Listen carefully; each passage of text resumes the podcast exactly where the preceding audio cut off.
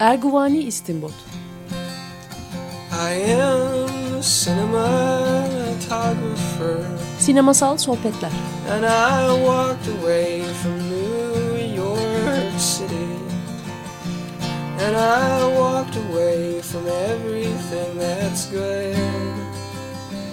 Oh, I am a cinematographer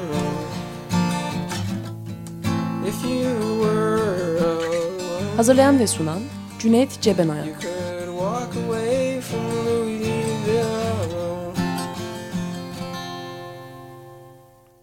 İyi günler. Yeni bir programla karşınızdayım.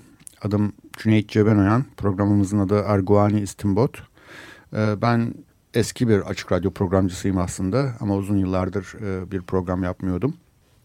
Daha önceleri Ahtapot'un Bahçesi, Erkekler ve Kadınlar ve Rock'n'Roll gibi programlarla e, Açık Radyo'da yer almıştım.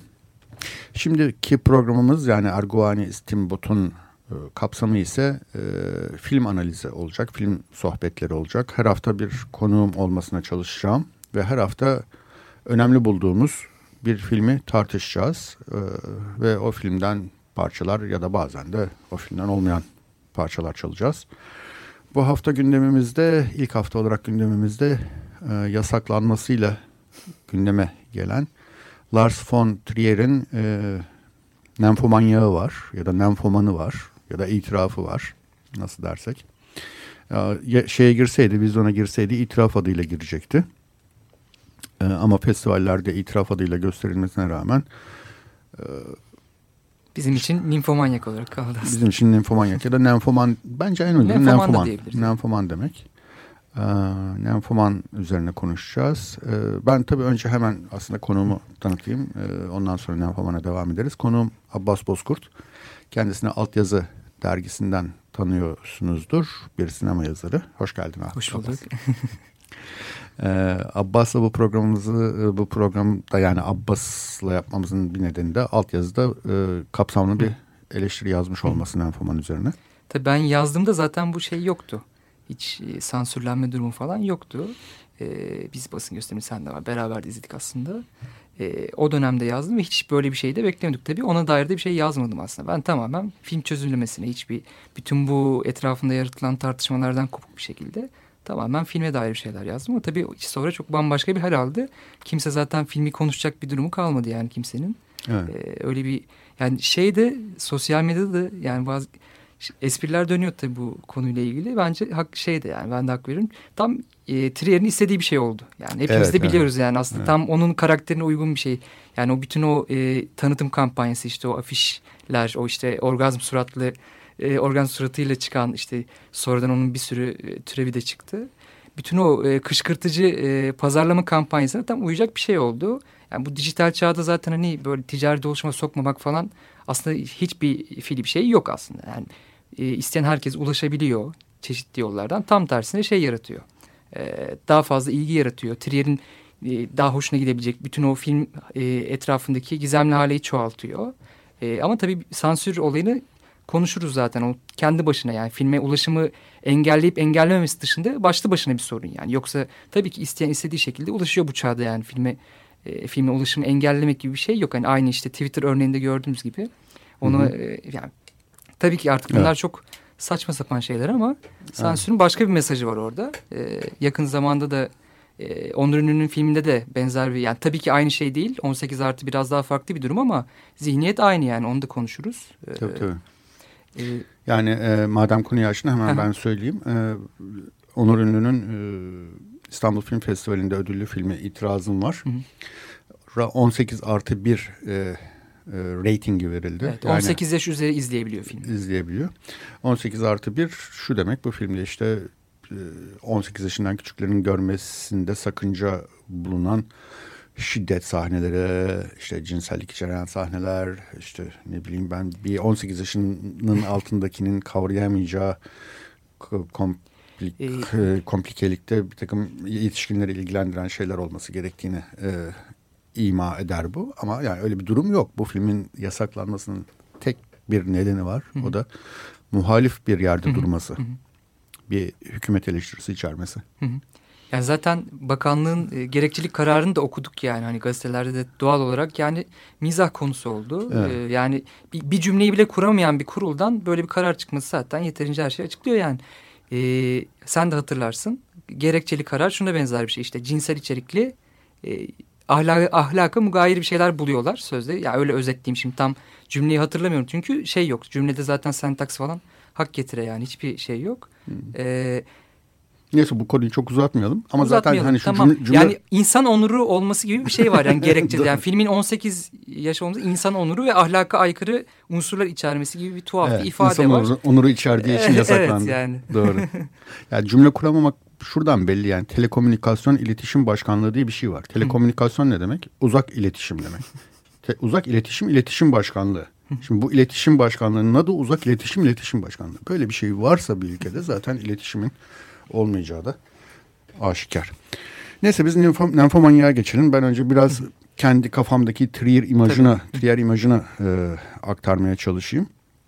Um, yani Trier'e işte hep e, söylenen gerçeklik payı da çok yüksek olan bir şey var. Bu adam işte provokatördür. Hı. Provokasyon yapar. Doğru ama ya bunda kötü bir şey yok Hı. bence. Provokasyon yapmak iyidir.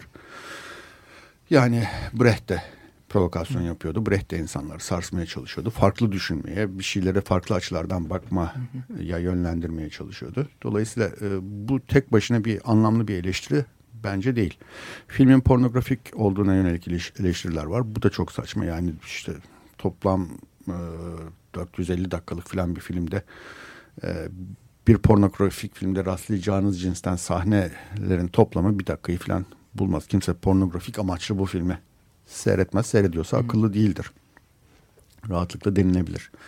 Ee, onun dışında Lars von Trier, Trier hakkında şunları belki söyleyebilirim. Hep kendisini anlatır aslına bakarsanız. Hı hı. Ee, kendi e, sorunlu çocukluğunun ve e, ailesiyle ilişkinin yansımaları ve onda bıraktığı durumu bence anlatır. Bütün o kadınlar hı hı. E, Lars von Trier'dir.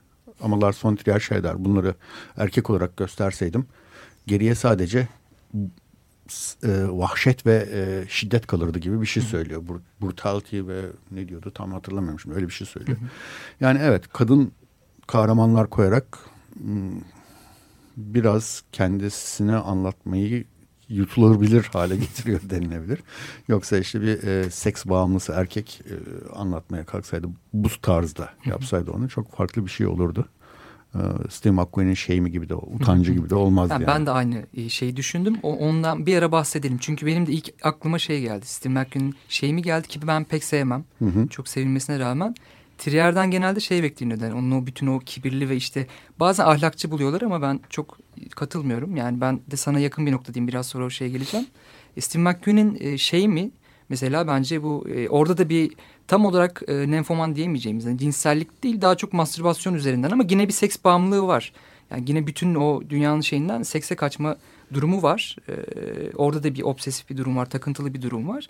Orada ama ahlakçı bir bakış var. Çünkü oradaki bir grup seks sahnesinden işte kardeşinin e, intihar teşebbüsüne bağlama gibi bir finale bir finale, finali vardı. E, Steve McQueen'in şey, utancının. Hı hı. Ama bu bence çok başka bir şey. Yani burada hiç ahlakçı bir tavır görmüyorum ben e, Trier'in e, bu nenfoman karaktere bakışında. Hı hı. Ben tamamen sana katılıyorum. Yani yazımında temel e, izleyi o. Ben Trier'in kendi zihninin bir yansıması bu. Yani bu sefer ama bence öyküyle bağdaşıyor. Yani o nenfoman karakterin e, öyküsü bir yandan bu tabii. Onun o e, onun o işte cinselliğinin, o kendi cinselliğinin kişisel tarihinin bir anlatısı var.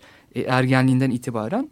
Ve bu sefer o e, Trier'in dünyaya bakışıyla uyumlu bir bakış. Yani Hı -hı. o yüzden de ben ilk defa e, uzun zamandır Trier'i Trier'i izlerken en çok bu filmde zevk aldım. Hı hı. E, çünkü özdeşleştiğini, özdeşleştiğini hissettim ben ana karakterle. Yani hı hı. onun kendine yakın bulduğunu hissettim. Çok böyle kibirle ona çok tepeden böyle bir tanrısal bakışta bakmadığını hissettim. Hı hı. E, bunun zaten e, donelerine geliriz yani hani nasıl tezahür etmiş filmde bu hı hı. özdeşleşme onları konuşuruz ayrıntılı bir şekilde. Ama genel olarak o o karakterin o hissiyatına yakın bir his olduğunu ve işte aslında o Trier'in depresyonu deniyor ya hep işte şeyden beri işte onun o ünlü medyaya yansıyan depresyonu ve e, Antichrist, Deccal olarak çevrildi Türkçe'ye. Deccal ve işte melankolide de hep e, bahsettiğimiz o Trier'in depresyonun etkileri bence onlardan daha çok burada var. Hı hı. Yani o bütün o dünyaya bakışta hiçbir his olmamasında ki zaten e, yani bu filmi erotik haz üzerinden falan tanımlamak bence çok Saçma. Çok tuhaf bir bakış çok yani. Tuhaf. Tabii yani o herkesin şey çok göreceli bir şey oradan neyden erotik haz alacağı ama yani hani pornografidir değildir tartışmaları zaten hiç girmeyelim. Evet. Ya öyle bir şey zaten hani bence şey alakasız yani Alakasız. ama ya, bu filmde erotik haz alacak şeyler bulmak çok zor bence. Benim açımdan öyle. Yani her şeyden sen erotik haz alabilir. alabilir. Var ya, yani. o başka bir şey. Masaya bakıp da alabilir. Tabii, tabii ki aynen öyle. Aynen öyle. Yani onlar çok kişiden kişiye değişen şeyler ama genel anlamda yani normatif bir şey tanımlıyorsak hı hı. E, bu filmi hani o e, bence o pazarlama kampanyasının da tabii etkisi var işte orgazm. O, hmm. o yüzden o, onunla girdim konuya yani. O hmm. onun o kışkırtıcı şeyin etkisi var. Zaten hmm. böyle algılanmasını da istediği için de böyle bir etki var. Hmm. Ama izleyince bambaşka bir şey görüyorsunuz. Yani bir sürü insanın filmi çok sıkıcı bulmasını ben hiç şaşırmadım. Evet. Yani tabii ki sıkıcı bulacak. Ayrıca sıkıcı da yani biraz tabii. da sıkıcı yani onu da söylemek lazım. Şimdi ben biraz şeye de geçeyim. Ee, Lars von Trier evet ne yaşıyor? Yani depresyon üçlemesi yapıyor. Bu depresyon üçlemesinin üçüncü ayağı yani işte e, Deccal'le başladıydı, Antichrist'le başladıydı. Melankoliyle devam etti. Bu da e, işte depresyon üçlemesinin üçüncü ayağı olarak görülüyor. Şimdi Lars von Trier nasıl bir çocukluk yaşamış kimdir nedir? bir fark... Psikanaliz divana yatıralım diyorsun. evet. Aslına bakarsanız tabii filmleri e, yani böylesi filmin dünyasının dışından bilgilerle değerlendirmek çok iyi bir şey değil. Yani işte yönetmeninin kişiliği ya da tarihi üzerinden. Fakat e, Lars von Trier öyle bir adam ki yani bütün bunları çok fazla açıkta yaşıyor. Yani bir şekilde Lars von Trier'le il, ilgilenmişseniz hemen öğreniyorsunuz ki işte annesi babası işte e, komünal yaşam tarzını benimsemiş. Ayrıca nudist olan e, çocuklarına hiçbir sınırlama getirmeden e, yetiştirmiş. E, yani çıplaklar kamplarında hiçbir disiplin altına alınmayan bir çocuk olarak yetişmiş Lars von Trier. Bunun e, çok sıkıntısını çekmiş. Çünkü kendisi sınırlan, başkaları tarafından sınırlandırılmayınca kendi kendisini bir şekilde disipline etmek zorunda kalan bir çocuk olmuş. Bu aslında bir anlamda işte adamın becer ha, becerikliliğinin yani. bir şeyi. Ama öte yandan hiçbir sınır konulmaması her an böyle bir kaosa düşme korkusu. Ki kaos hüküm sürüyor gibi bir tilkiye söylettiği bir şey vardır. Deccal'de. Deccal'de. yani öyle bir kaotiklikle e, sert disiplin arasında e, e, parçalanmış bir adam diyebiliriz ki işte filmlerindeki o kişilikler de karşılıklı hani e, işte mesela Seligman diye bir karakter var Nymphomanda bir de Joe diye bir karakter var. İkisi de aslında belki Lars von Trier'in e, içindeki iki, zihninin iki yansıması diyebiliriz. İki yansıması diyebiliriz yani. Hı. Birisi hani çok katı, katı. disiplin veya işte zihin diğeri beden. Hı hı hı.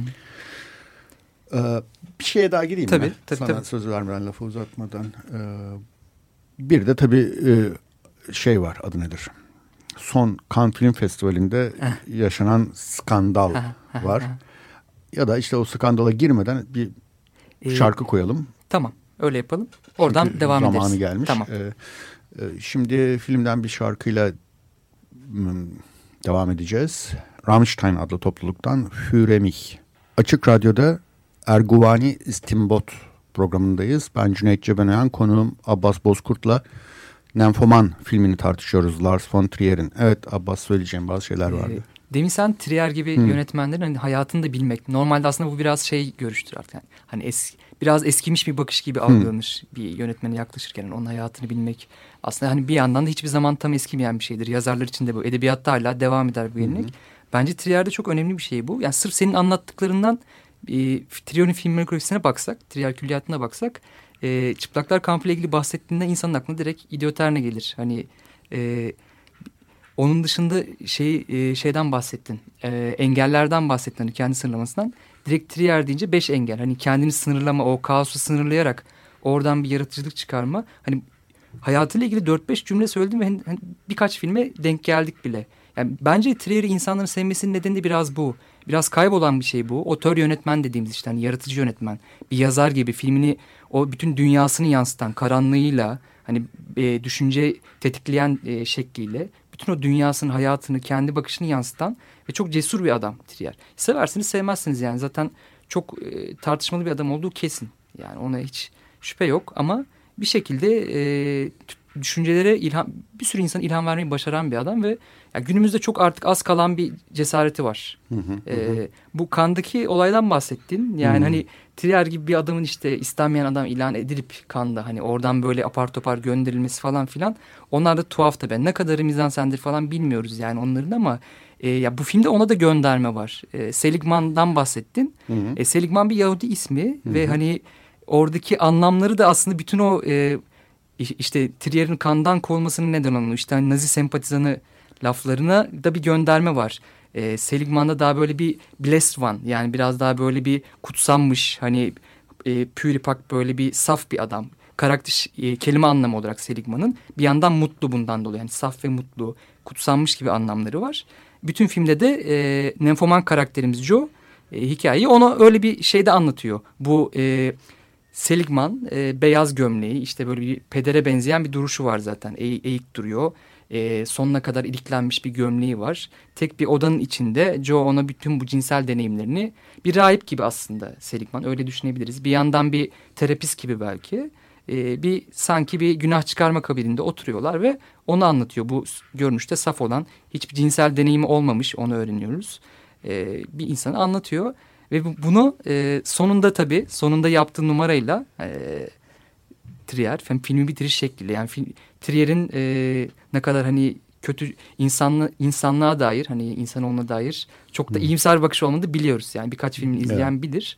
Yani hani insan düşmanı diyebiliriz. Evet. E, ve sonunda bu Seligman'a da hani bu mutlu adam, kutsanmış adam böyle bir ilahi bir şeyle çıkardığı adamı da sonunda yine e, o onun da aslında hani püripak olmadığını belirten bir şey var. Evet. Bence orada şeyde bir gönderme var onda yani. Çok ince ve işte bütün bu e, kandaki muhabbetleri ona herkesin bu nazi sempatisini yakıştırmaları yapmasına rağmen yine de hani bir Yahudi karakter alıp onu son anda böyle yine kötücül bir şeye dönüştürmesinde oraya da bir gönderme var diyorum ben. Evet.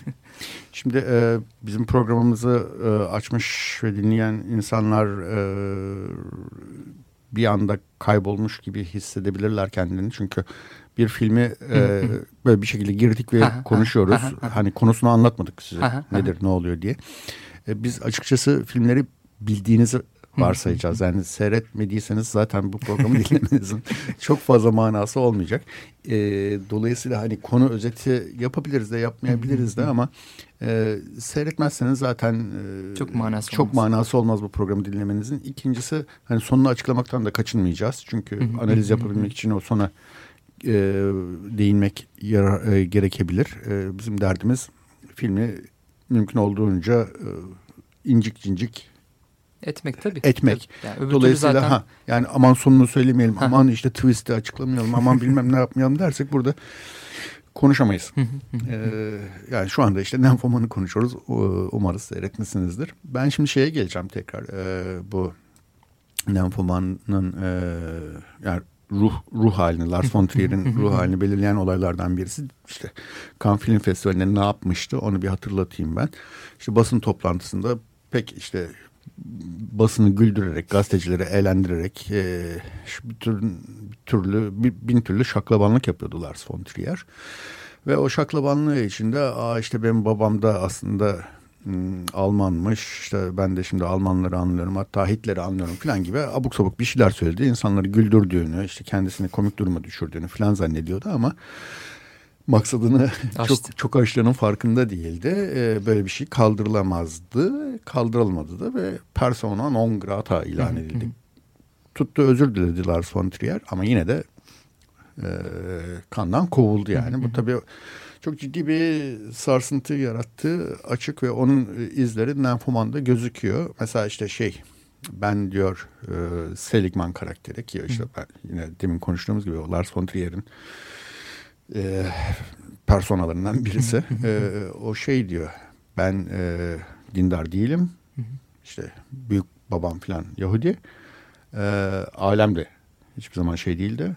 Dindar değildi. Hatta antisyonisttiler antisyonizmi antisemitizmle karıştırır belli çevreler gibi bir şey söylüyor. Bu belli çevreler kim? O da bence çok açık.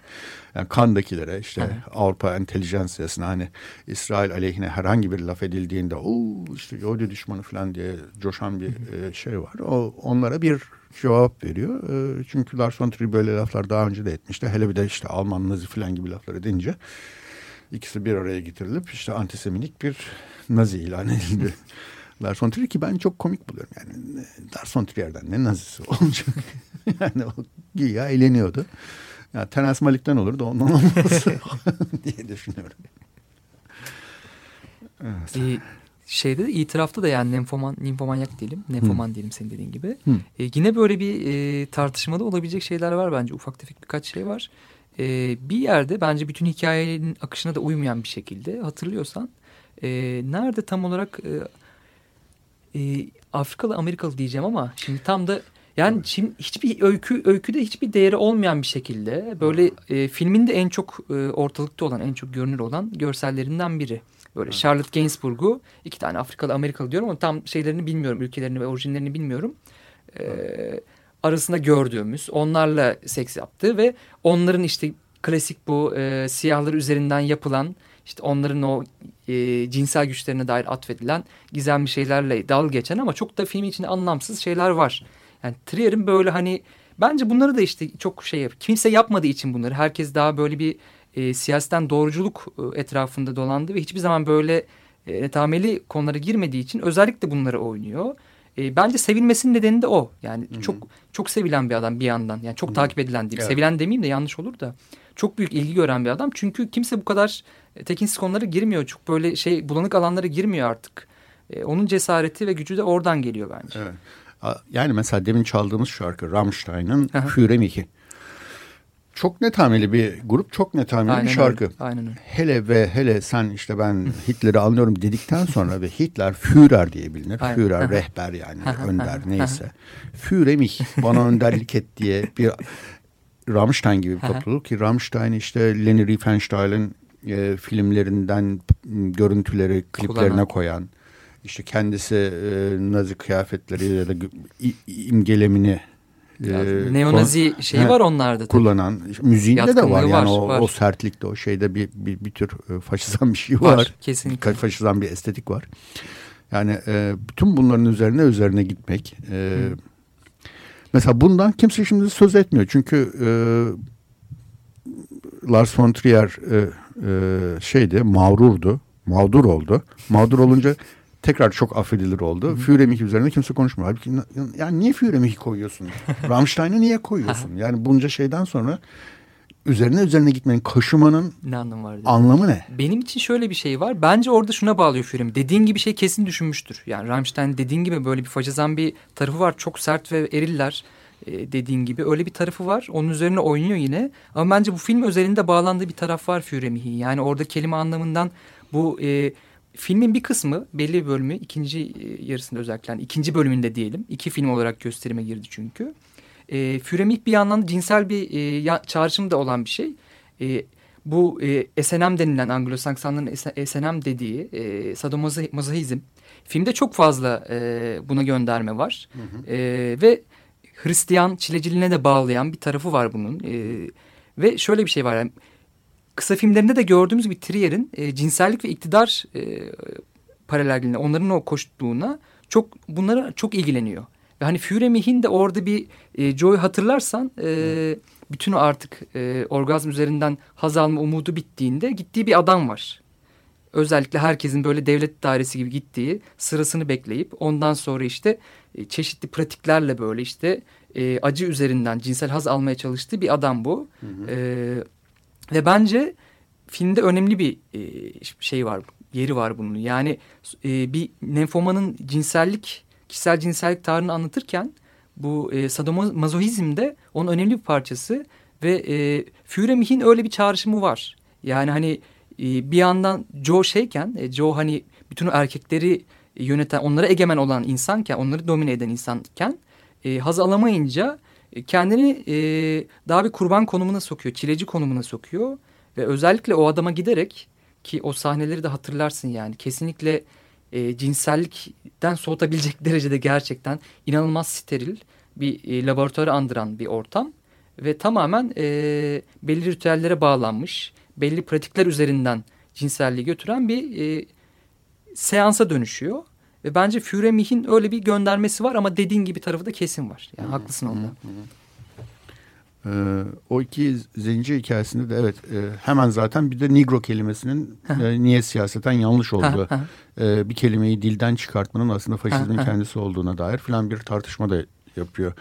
E, yani e, o iki e, zenciyi e, komik bir şeyde göstermenin, komik bir mizansen ediyor. içinde evet. göstermenin e, ırkçılık tartışmaları yaratacağını da gayet farkında fark. olduğu için hemen üzerine bir de Negro kelimesini kullanmaları bir, de öyle bir tartışmayı şey var. getiriyor. Yani aslında filmden çok kopuk dediğin gibi tamamıyla kendiyle ilgili bir film yapıyor. Evet, yani evet, evet. Buna da bir ad koymuş. Hı. Nasıl okuyacağım tam bilmiyorum. Digressionism mi? Digressionism mi? Yani sapmacılık. Sapma, konudan sapma. Konudan sapmacılık. Konudan sapmacılık tarzı diye bir tarz bu filmin Bu film onun şeyi yani gerçekten şaykası, şaykası yani. Evet. Ve bir nenfoman gibi durmasını bilmiyor Lars von Trier. Yani, yani, yani e, cinsellikte tatmin almak için gidemeyeceği hiçbir yer olmayan kahramanı Joe gibi e, Lars von Trier'de bir nokta koyamamış filmine. E, beş saatlik yapmış aslında ama biz işte 4 saatlik falan diyoruz. Bir başka tabu da böyle yine hani alakasız bir şekilde değindiği. Hani oradan oraya atlarken e, pedofiliye de değiniyor. Yani hani böyle bir şey de var. Oradan da geçiyor. Hani oradan oraya atlıyor. Gerçekten bir roman gibi e, bir hikaye, bir çerçeve e, bulmuş kendine. Bir öykü çerçevesi bulmuş o Joe sayesinde ama ya bildiğim şekilde kendi dünyasının aslında bir sürü konuya dair kendi görüşlerini yansıtıyor. Hı hı hı. Yani ee, bir şarkı daha çalalım. Tabii. Yine e, soundtrack'inde yer alan Nymphoma'nın Steppenwolf'un Born to be Wild. 94.9 Açık Radyo'dayız. Ee, ben Cüneyt Cebenoyan. Programımızın adı Erguvani İstimbot. Bu programda her hafta bir konuğumla birlikte bir filmi e, analiz edeceğiz. Hallaç pamuğu gibi atmaya çalışacağız elimizden geldiğince. Bu haftaki konuğum Abbas Bozkurt Altyazı Dergisi sinema yazarı. Filmimizde Nenfoman. Şimdi ben şu Nenfoman'daki e, Nenfoman karakteri yani filmin adını veren özelliklere sahip olan kişi Joe kimdir bir bir parça toparlamaya çalışalım. Ondan sonra o pedofili meselelerine falan da geliriz. Şimdi Joe kendisini şöyle anlatıyor aslında. Bir annesi var. E, soğuk bir kaltak olarak nitelendirebileceğiniz bir birisi diye nitelendiriyor ve anne aşağı yukarı neredeyse bundan ibaret filmde başka çok az görüyoruz. Babası var. Babası daha sevecen bir insan gibi. Ama aslına bakarsanız onun da kızına herhangi bir soru sorduğunu, herhangi bir derdin var mı bir bir şey yani bir gerçek anlamıyla kızıyla ilgilendiğini bir şekilde görmüyoruz. Botaniğe meraklı, ağaçlara meraklı ve kızıyla bütün ilişkisi sanki doğa üzerinde ders vermek üzerinden kuruluymuş gibi gidiyor. Ee, yani böyle bir ortamda büyümüş bir ilgisizlikle ve belki sevgisizlikle büyümüş bir insan Joe. Pek bağlanabileceği, kendisine sahiplenen bir ebeveyn figürü olmayan birisi. Ee, benim yorumum e, nenfomanlığının arkasında bu sevgi arayışı, ilgi arayışının da önemli bir rol oynadı. Ve gerçekten de aşık olmaya yaklaştığı anda e, Jerome diye bir karakter var filmde. Çeşitli şekillerde sürekli ve sürekli hiç de gerçekçi olmayan şekillerde sürekli karşımıza çıkan bir Jerome diye bir karakter var. Jerome'la aşk e, yaşamaya başladığı andan itibaren o ana kadar işte e, nenfoman bir hayat süren Joe ve bir şekilde keyif almayı da başarabilen az çok cinsellikten hiç keyif alamaz hale geliyor. Ve bu filmin zaten ilk yarısıyla ikinci yarısını ayıran nokta oluyor. Ee, gerçekten birisiyle yakınlaşma ihtimali olduğunda nenfomanlık özelliğini de bir anlamda yitiriyor. Yani daha doğrusu nenfomanlık özelliğini yitirmiyor da haz alabilme yetisini kaybediyor ve daha sert, daha e, uçta arayışlara giriyor Joe. Bunun içinde işte sadomazo look var. Bunun bir sonraki aşamasında e, tahsildarlık bir tür çete çeksenek tahsildarı bir gibi. Bir Haneke filmi şeyi havası var orada. Evet. Hı. Ve kendisine bir e, çırak da ediniyor. Pi adına verdiği bir e, kızı zaaflarından da yararlanarak çünkü o kızın kulağında bir deformasyon var ha. ve öksüz bir kız. O da annesiz babasız bir kız. Hı. Belki Joe gibi bir anlamda. Hani metaforik olarak Joe belki annesiz babasız ama bu gerçek anlamda öksüz bir kız. Bir anlamda kendi e, e, yaşadığı şeyi yaşıyor gibi. E, ve Pi ile bir ilişkiye giriyor. Pi'yi çırağı olarak yetiştiriyor ve sonuçta Pi e, bir tür elektra kompleks mi diyeceğiz artık. Joe'nun erkeğini kapıyor. Yani Jerome'u kapıyor. Baba figürünü kapıyor. Joe ile Pi arasında bir anne kız ilişkisi olduğunu düşünüyorum ben. Orada da bir tür ensestiyöz bir e, vaka olduğunu düşünüyorum. O hikayenin öyle bir şey olduğunu düşünüyorum. E, ensestiyöz bir ilişkiyi temsil ettiğini düşünüyorum. E, Pi ile Joe arasındaki ilişkin. Çünkü onlar da sevişiyorlar. Protejesiyle birlikte sevişiyor Joe ve sonunda da kendi erkeğini, Jerome'unu, hayatının erkeği Jerome'u kızı Pi'ye kaptırıyor. Ee, evet, böyle... Bu yan öykücük için ben Hı. şeyine katılıyorum ama hani ben genel olarak biraz daha farklı bakıyorum senden. Yani baba figürü ve anne figürü zaten yok gibi dediğin gibi ama Hı. hani ben şey çok bir neden aradığını düşünmüyorum e, Trier'in. Yani hani o nenfomanlığı bir şey olarak görmediği için hani böyle bir şeyi hatırlarsan bir e, grup terapisi gibi bir şey var. Evet. Trier ona çok tabii böyle bir mesafeli ve şey yaklaşıyor. Oradaki o şey de kilit yani. Çok da açık ediyor zaten de. Seks bağımlısı olarak tanımlıyorlar kendilerini. Evet. Herkes işte ben seks bağımlısıyım diyor falan. Orada e, ilk başta e, Charlotte Gainsbourg'un oynadığı karakter Joe bunu kabul etmiyor. Yani hani ben nenfoman diyor. Ve onu ısrarla düzeltmeye çalışıyorlar.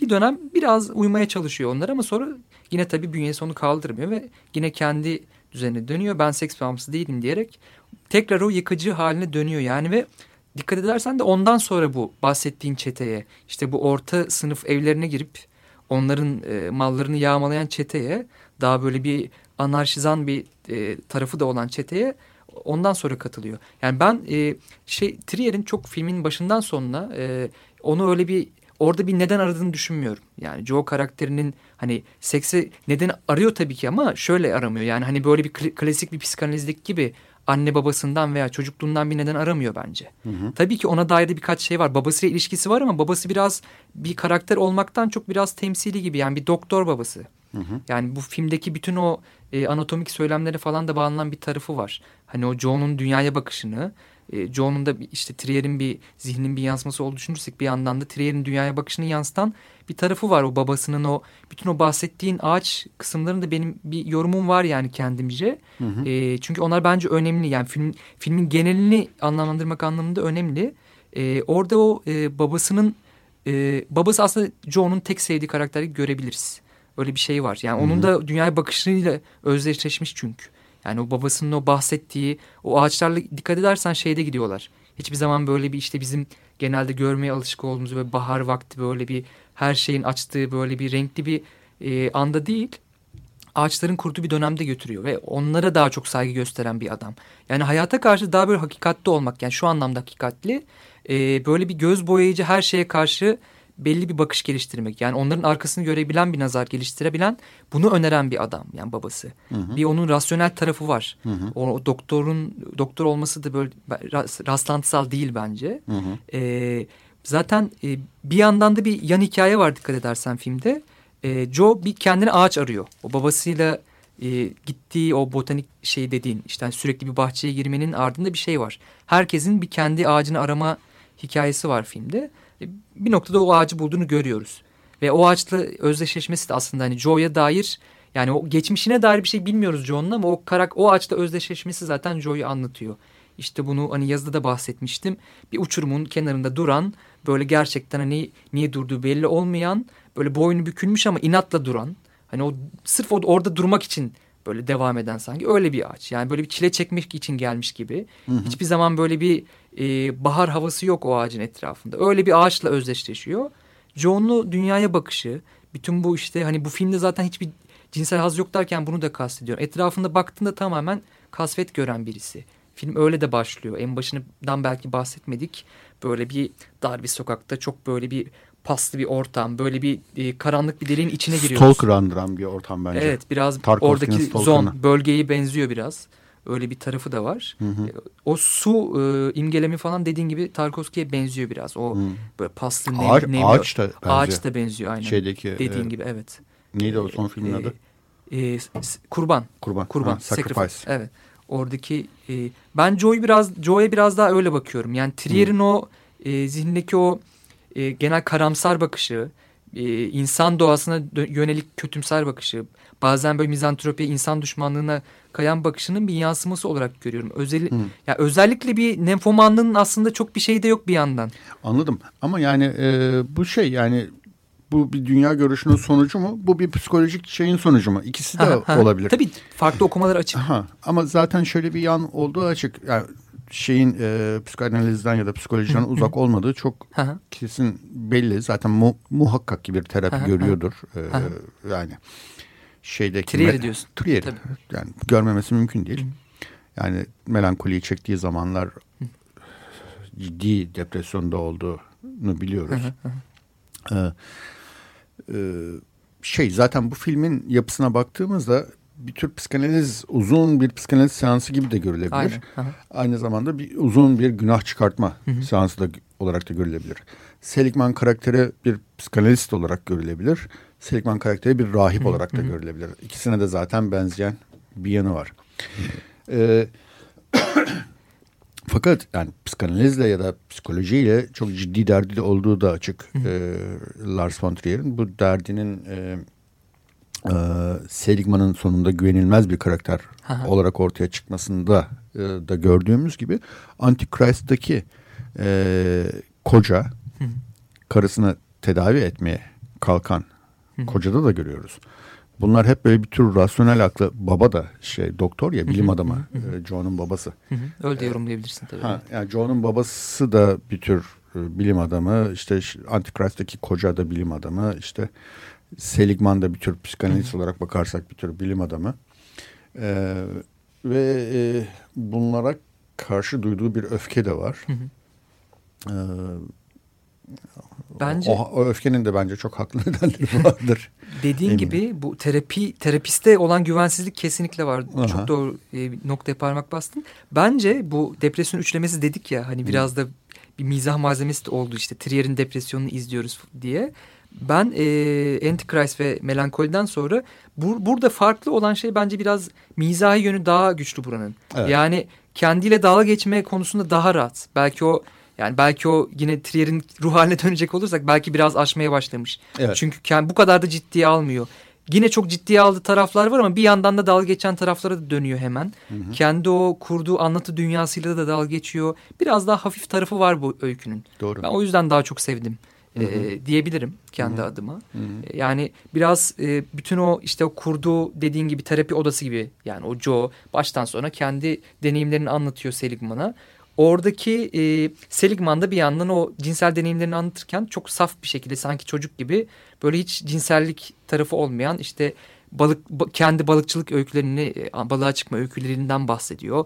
Daha böyle entelektüel öykülerden yönlere bağlıyor. İşte yüksek sanat tırnak içinde işte böyle bir müzik tarihine bağlıyor. E, Bach'tan bahsediyor falan. Böyle bir ama sonra mesela Joe onlarla dal geçiyor. Senin o işte bu balıkçılık paralelliğiyle dal geçiyor.